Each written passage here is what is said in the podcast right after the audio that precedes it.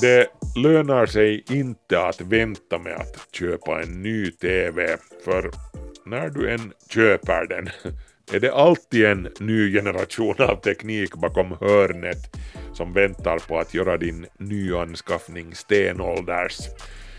Det här har ju i och för sig nästan alltid gällt för mer eller mindre alla tekniska prylar. 10, 9, 8, ignition sequence start. 5, 4, 3, 2, 1, 0. Quantum leap. Saut quantique.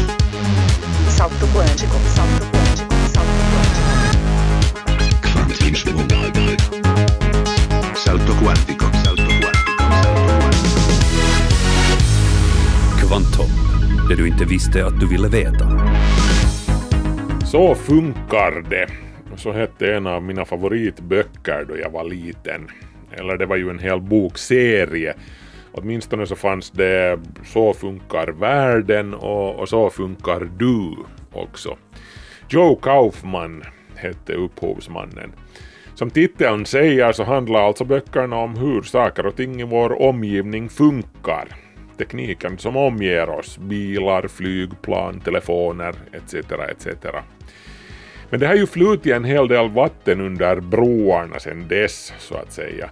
Tekniken har gått framåt en hel del sedan 1971 då Joe Kaufman gav ut sin ursprungliga Så funkar det-bok.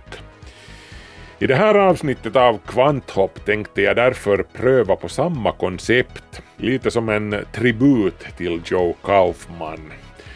Tre olika tekniska prylar tänkte jag ta upp, eh, som inte fanns i våra hem 1971 och hur de funkar det, det, finns ju massvis med prylar i och för sig som inte existerade 1971. Men det blir kanske flera avsnitt senare, vi får se. I dagens avsnitt av Kvanthopps tribut till Joe Kaufmans Så funkar det, LED-lampan, luftvärmepumpen och plattskärms-TVn. Vad får LED-lampan att lysa? Hur beter sig luftvärmepumpen för att ta värme utifrån och flytta in den i våra hem? Eller vice versa. Och vad hände med barndomens feta TV-apparater? Hur, hur blev de så tunna med ens? Mer om det här alltså i veckans kvanthopp. Jag heter Markus Rosenlund. Välkommen med!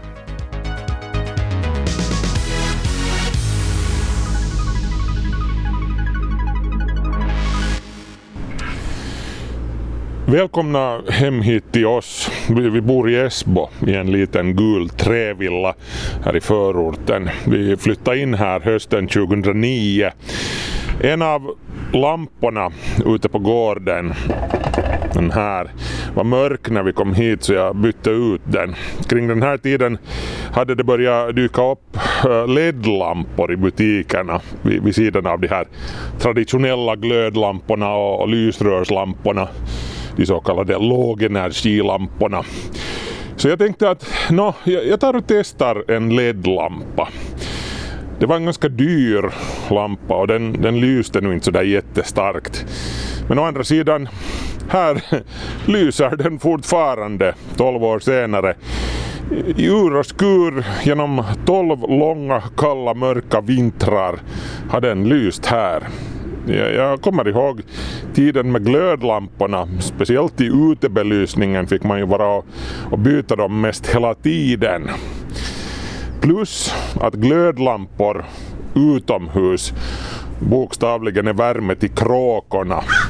En glödlampa omvandlar alltså cirka 95 procent av all energi du matar i den till värme. Tänk på det, en glödlampa på 60 watt ger dig 57 watt i form av värme och, och 3 watt i form av ljus. En LED-lampa däremot den omvandlar mellan 20 och 50 procent av strömmen den förbrukar till värme beroende på typ och modell såklart. Eh, det är ju fortfarande en hel del men också i sämsta fall ger LED-lampan sådär eh, 15 gånger mindre värme åt kråkorna jämfört med en glödlampa. Och nu är jag tillbaka här vid mitt arbetsbord. Eh, LED-lampan behöver hur som helst ändå kunna avleda värme trots att den inte producerar riktigt lika mycket som glödlampan till exempel. Eh, för just värme är det som förkortar en LED-lampas livslängd allra mest. Sätt alltså helst inte en LED-lampa i en sluten och trång armatur om lampan inte är klassificerad för den sortens användning. För lampan kommer helt enkelt inte att funka lika länge. LED-lampans ljus bygger hur som helst inte på värmeutstrålning som i en glödlampa. Det här framgår ju ur namnet. Glödlampans glödtråd glöder, alltså lyser när man leder ström genom den. LED-lampan funkar inte så. LED-lampans ljus är så kallad elektroluminescens ljus som exciterade elektroner avger när man kör ström genom vissa material eller utsätter dem för ett starkt elektriskt fält. Det här betyder i praktiken att LED-lampan får en längre livslängd, som vi alla har märkt som har LED-lampor här hemma. Sisådär 25 000 timmar förväntas en, en LED-lampa lysa eh, mot glödlampans 1200 timmar i genomsnitt alltså.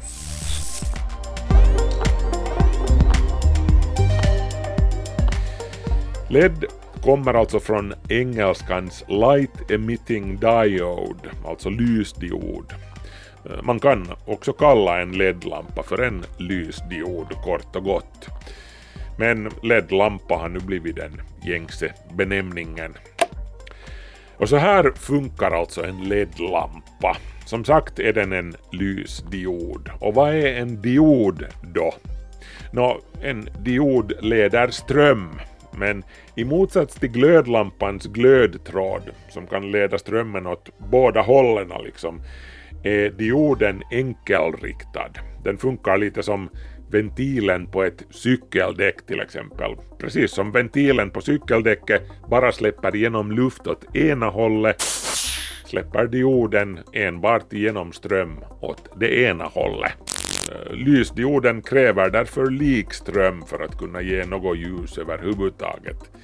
Eh, LED-lampan som du köper innehåller alltså en liten inbyggd transformator som omvandlar vägströmmens växelström till, till likström.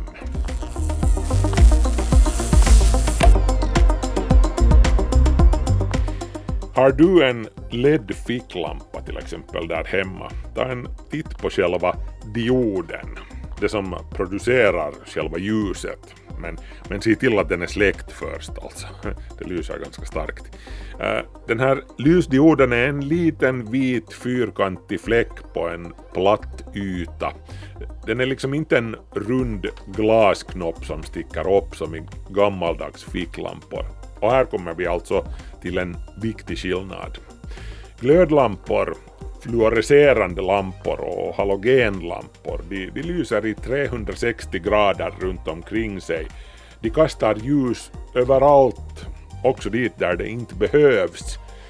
Därför krävs det sen reflektorer för att omdirigera en del av ljuset.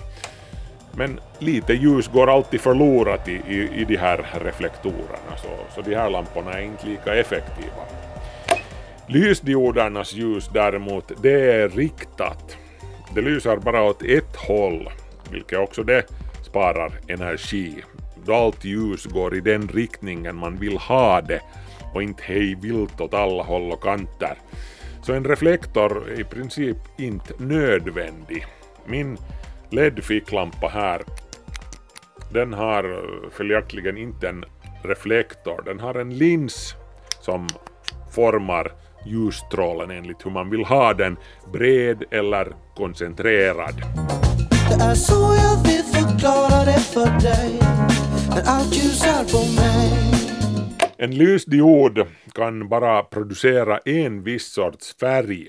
Det här var länge ett problem Från början fanns nämligen bara rött och grönt LED-ljus och det funkar ju som regel inte så bra i rumsbelysning utom i vissa kvarter i Amsterdam.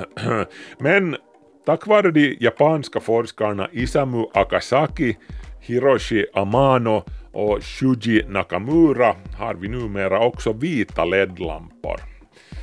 Trion fick Nobelpriset i fysik 2014 för att de uppfann blåa LED-dioder. Kombinerar man röda, gröna och blåa lysdioder och placerar dem nära varandra, då producerar de tillsammans vitt ljus, sånt som kan användas i, vanlig rumsbelysning. En lysdiod som kombinerar rött, grönt och blått kallas RGB-lysdiod. Konstigt nog va. Äh, genom att lysa olika mycket med, med de här grundfärgerna kan en RGB-lysdiod åstadkomma en mängd olika kulörer.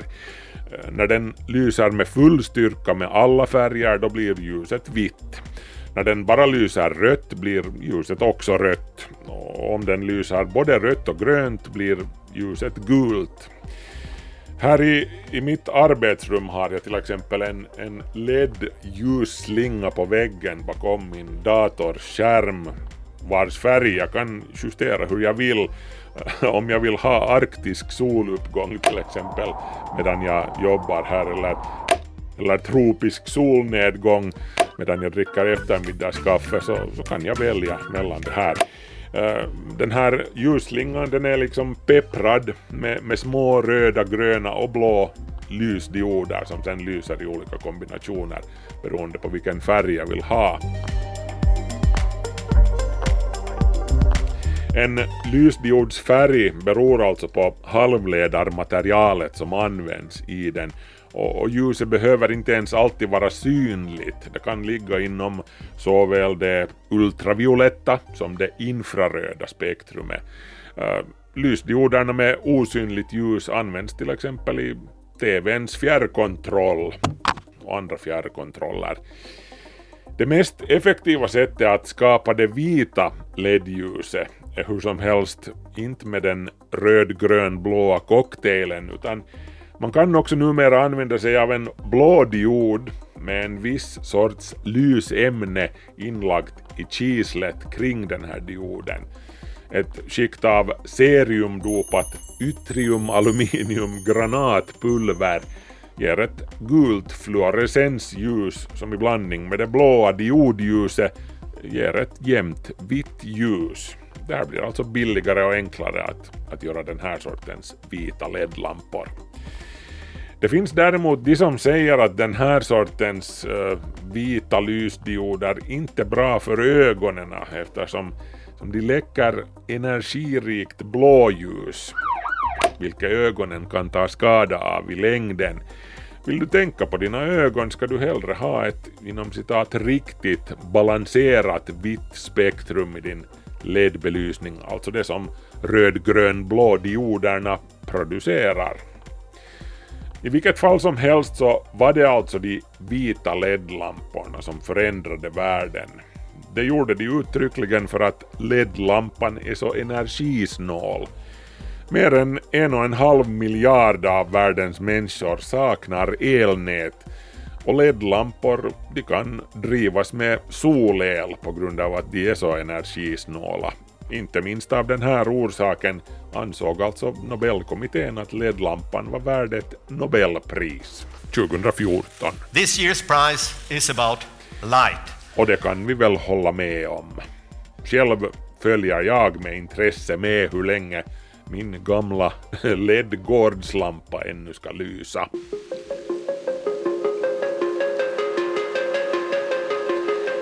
Du lyssnar alltså på Kvanthopps Så funkar det special. Prylar som har kommit till i hemmen sedan Joe Kaufman skrev sin ursprungliga Så funkar det bok 1971. En grej som har funnits ett tag men som har blivit riktigt vanlig först nu under de senaste åren eller det senaste årtionde kanske är luftvärmepumpen Eh, vi skaffade en sådan till sommarstugan för ett par år sedan och den har blivit helt oumbärlig åt oss. Hur klarar vi oss utan den förr, undrar jag för mig själv häromdagen. Nå, det är ju klart, vi, vi hade och vi har fortfarande vår eh, trogna kamin. Vedeldning är ju det, det bästa såklart.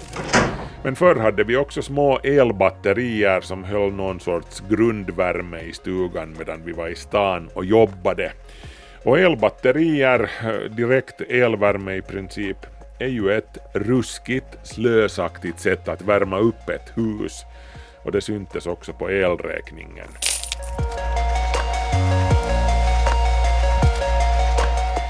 Luftvärmepumpen den är i princip lite kontraintuitiv. Det, det strider liksom mot det sunda förnuftet att det ska krävas en i princip rätt så komplicerad apparatur med diverse pumpar och fläktar och kompressorer och saker för att spara energi i uppvärmningen. Ofta gäller ju sanningen att ju enklare desto snålare Nå, principen bakom värmepumpen är åtminstone rätt så enkel. Vad det handlar om i grund och botten är termodynamik. Att flytta värme från en plats till en annan. Obs alltså flytta, inte alstra värme, vilket man gör med ett elektriskt värmebatteri. Värmepumpen i sig själv, den alstrar inte värmen. Den hämtar in befintlig värme utifrån. Pumpen som uträttar det här arbetet jobbar ju naturligtvis inte gratis, det skulle strida mot termodynamikens andra huvudsats. Eh, den behöver energi som man måste tillföra till den för att den ska kunna göra jobbet. Men det går ändå mindre energi åt till det än till att värma upp luften inuti stugan direkt med hjälp av elektriska värmebatterier. Värmepumpen har liksom en, en skenbar verkningsgrad på 500 procent, det vill säga på svenska, den är ruskigt effektiv.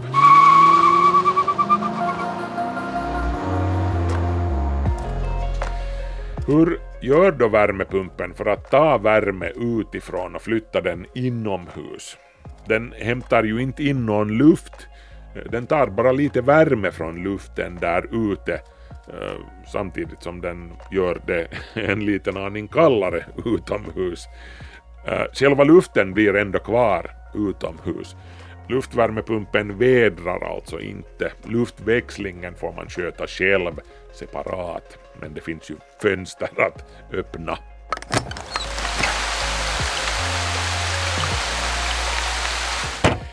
Och varifrån tar då värmepumpen värmen som den hämtar in när det är, säg nu, minus tre grader Celsius där ute, som det var när vi vaknade på stugan i fredags? Hur blir minus tre grader där ute till plus 20 grader här inne? Just det här har jag faktiskt alltid sett som det mest magiska med värmepumparna, trots att jag vet hur det går till. Det här att man kan göra värme av kyla. Men, men då tänker man inte som en fysiker. En, en fysiker inser att hur kallt det än är utomhus så finns det ändå en massa värmeenergi i luften. Jag menar, minus 3 grader Celsius, det är jäkligt mycket varmare än den absoluta nollpunkten, det vill säga 0 Kelvin, eller minus 273,15 grader Celsius. Vid den absoluta nollpunkten upphör all rörelse, till och med på atomnivå. Och så kallt är det ingenstans i universum. Det kan inte ens vara så kallt någonstans i universum. Eh, så också om jag huttrar när det är minus tre grader utomhus då jag vaknar och tittar ut, så finns där ändå en massa värme att hämta som kan utnyttjas till att värma upp vår stuga till exempel. Det är i praktiken inget problem alls för luftvärmepumpen att krama tillräckligt med värme ur minus 3 graders utomhusluft för att hålla det varmt och skönt där inne hos oss.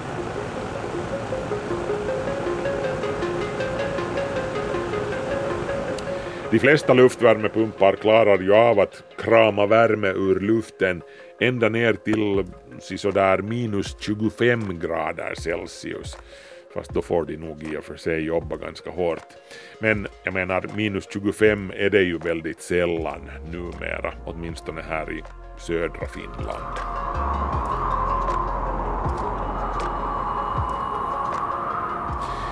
Ja, ja, men hur funkar det här i praktiken, undrar Joe Kaufman. Hur tar värmepumpen värme från luften där ute och transporterar den inomhus? Eller för den delen, hur tar värmepumpen värme inifrån och slänger ut den? Luftvärmepumpen kan ju användas som luftkonditionering också, vilket har varit en välsignelse under de gångna två somrarna med perioder av plus 30 grader och ännu varmare. Nå, äh, eh, värmepumpen gör ju i princip samma sak som ett kylskåp eller en luftkonditionerare. Den kör med samma sorts teknik. Också i kylskåpet eller i en frys finns det en kompressor som pumpar ut värme ur skåpet. Kylskåpet är luftkonditionerat liksom till stabila plus 4 grader Celsius eller så. Frysen kanske till minus 18 grader Celsius eller däromkring. Allting bygger på ett kretslopp med två värmeväxlare, en inre och en yttre, där det så kallade köldmediet cirkulerar. Numera används ofta difluormetan eller R32 som köldmedium. Och R32 har alltså en kokpunkt på minus 51 grader Celsius. När köldmediet körs genom förångaren, det där skåpet med en fläkt i som hänger ute på väggen, då värms det upp och förångas. Som sagt, också om det är ett antal minusgrader utomhus. Det är hur som helst varmare än difluormetanets kokpunkt på minus 51 grader Celsius. Efter att ha passerat genom den här lådan där ute passerar ångorna kompressorn det är den som gör det där surrande ljudet när till exempel ett kylskåp arbetar. Kompressorn det är liksom en kolv som komprimerar ångorna till ett högre tryck och, och skickar in dem via en slang till den inre värmeväxlaren eller kondensorn. Det är den som finns i luftvärmepumpens inre enhet, den som hänger ovanför soffan i vår stuga till exempel. När kompressorn komprimerar ångorna stiger köldmediets kokpunkt och det övergår tillbaka till en vätska, alltså det kondenseras i kondensorn. När det här sker då frigörs den värmeenergi som bands till köldmediet där ute då det förångades och kondensorn värms upp det är den här värmen som fläkten sen blåser över oss där vi sitter i soffan med, med en kopp kakao i handen och, och lyssnar på höststormen som rasar där ute.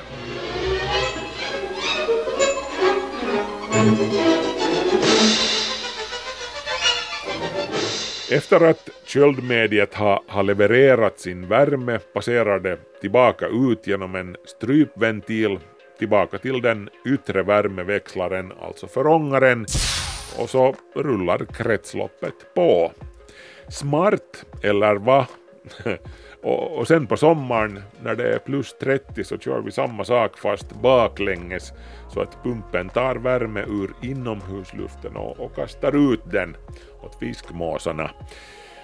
Och samma process ligger ju som sagt bakom hur ett kylskåp eller en frys funkar. Så att så funkar luftvärmepumpen med andra ord.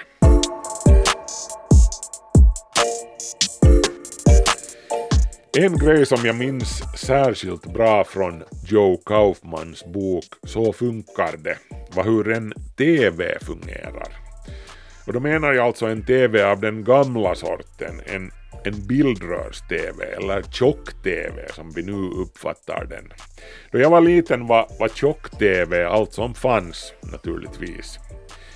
En kort resumé beträffande tjock-tvn. Hur funkar den nu igen? Vad sa Joe Kaufman om den? Eh, den är så tjock som den är för det sitter ett trattformat vakuumrör, ett så kallat katodstrålerör bakom bildskärmen. Längst bak i den smala änden av röret finns en elektronkanon, därav namnet alltså katod är lika med minus eller negativ laddning. Elektronkanonen skjuter alltså en ström med elektroner mot bildskärmens insida som fungerar som anod, det vill säga plus eller positiv laddning. För att åstadkomma bilden riktar man den här elektronstrålen mot olika punkter på, på bildskärmen med hjälp av elektromagnetiska fält.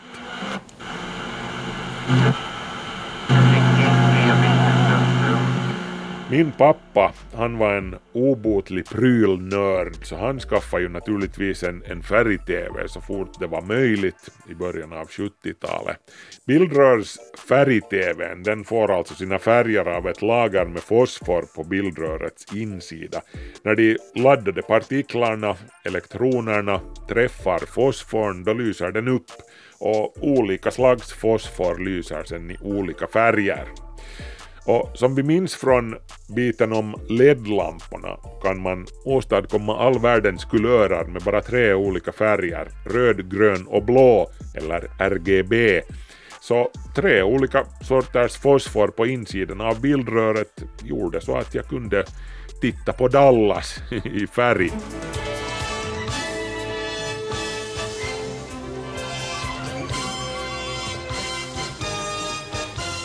Men plattskärms-tvn då? Jag skaffade min första platt-tv eller LCD-tv 2007, samma år som min äldre son föddes. Då hade jag redan haft en tunn bildskärm till min bordsdator sedan år 2000. Den här tekniken kom alltså huvudsakligen först in i våra hem via datorerna, inte minst de bärbara. Men en bit in på 00-talet började sen plattskärms-tvn så småningom fejda ut den gamla tjock-tvn från våra vardagsrum.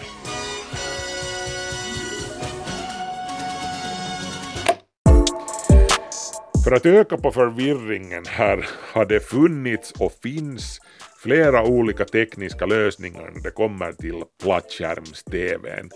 I början var plasma-tvn ganska vanlig i korthet funkar en, en plasma-TV genom att det finns uh, två genomskinliga elektroder bakom rutan med xenon och neongaser emellan. De utgör alltså själva plasman. Eh, och med hjälp av elström åstadkommer man sen plasmaurladdningar i den här gasen som i sin tur tänder pixlar bestående av fosfor Återigen tre olika färger, rött, grönt och blått, eller RGB. Plasmaskärmarna de, de gav överlag en bra bild, men de drog ganska mycket ström och de hade problem med att statiska bilder, eh, kanalloggor och annat lätt brändes in i skärmen, åtminstone i de tidiga apparaterna. Numera har plasma-tvn i praktiken försvunnit från butikerna. There, that looks good. Now you... Right up against the ropes. Den vanligaste plattskärms-tvn just nu, eller ska vi säga fortfarande, är LCD-tvn. Den har liksom dominerat i flera år. Eh, LCD är en förkortning av Liquid Crystal Display, det vill säga skärmen innehåller flytande kristaller som man manipulerar med elström. När skärmen är avstängd då är den helt svart och när man slår på den och tillför el i olika styrka släpper kristallerna igenom ljus från lysrör som sitter bakom kristallskärmen. Uh, numera är det oftast LED-lampor som står för ljuset.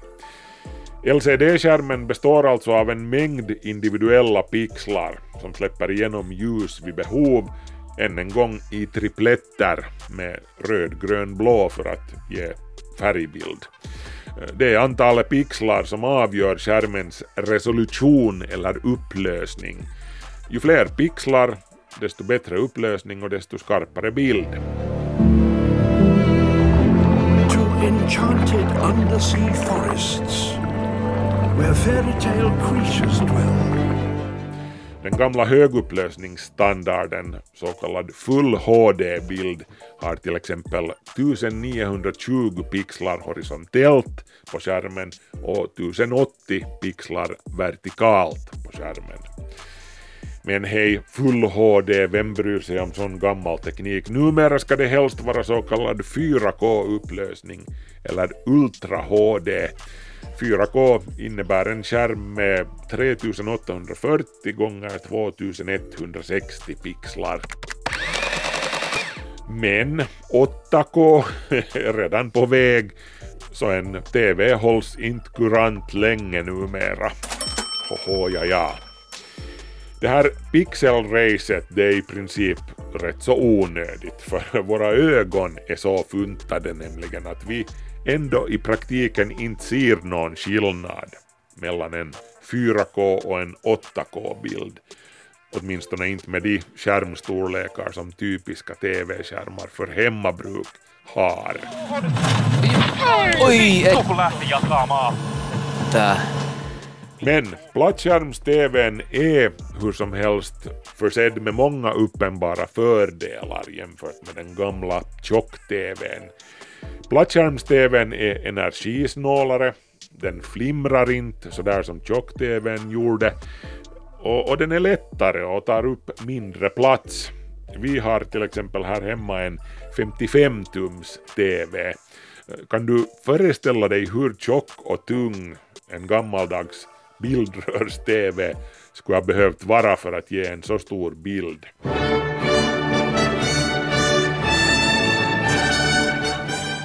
På den tiden var ju liksom 24 eller 28 tum standarden. Men akta dig LCD för nästa generations plattskärms-TV har redan börjat sin inmarsch. OLED heter den. Härligt med alla de här bokstavsförkortningarna, eller hur? OLED. Det står i alla fall för organisk ljusemitterande diod. Skärmen består alltså av tunna kolbaserade, därav organisk, plastfilmer mellan två elektroder. När man leder en ström genom en OLED-pixel då, då avger den elektroluminescent ljus vi var inne på det här i inslaget om LED-belysning. Eh, uh, OLED-skärmar har än ett tag varit vanliga i mobiltelefoner men allt fler OLED-TVn har också börjat dyka upp på, på marknaden. Fördelen med OLED-TV är att varje pixel är sin egen ljuskälla. Det behövs alltså ingen bakgrundsbelysning som i en LCD-TV. Skärmen kan alltså göras tunnare, till och med vikbar, som i vissa mobiltelefoner. For unfolding it to use that big corner to corner uninterrupted 7.6 inch inside display. När man kan tända och stänga av varje pixel individuellt får bilden också mycket bättre kontrast. De svarta bitarna i bilden är alltså på riktigt svarta. Eh, I en LCD-TV däremot, där läcker det alltid lite ljus genom de mörka delarna av bilden, vilket gör att kontrasten lider.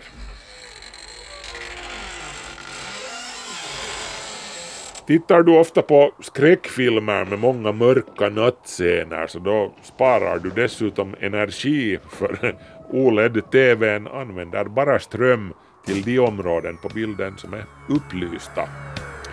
I vilket fall som helst, det lönar sig inte att vänta med att köpa en ny TV för när du än köper den är det alltid en ny generation av teknik bakom hörnet som väntar på att göra din nyanskaffning stenålders. Det här har ju i och för sig nästan alltid gällt för mer eller mindre alla tekniska prylar.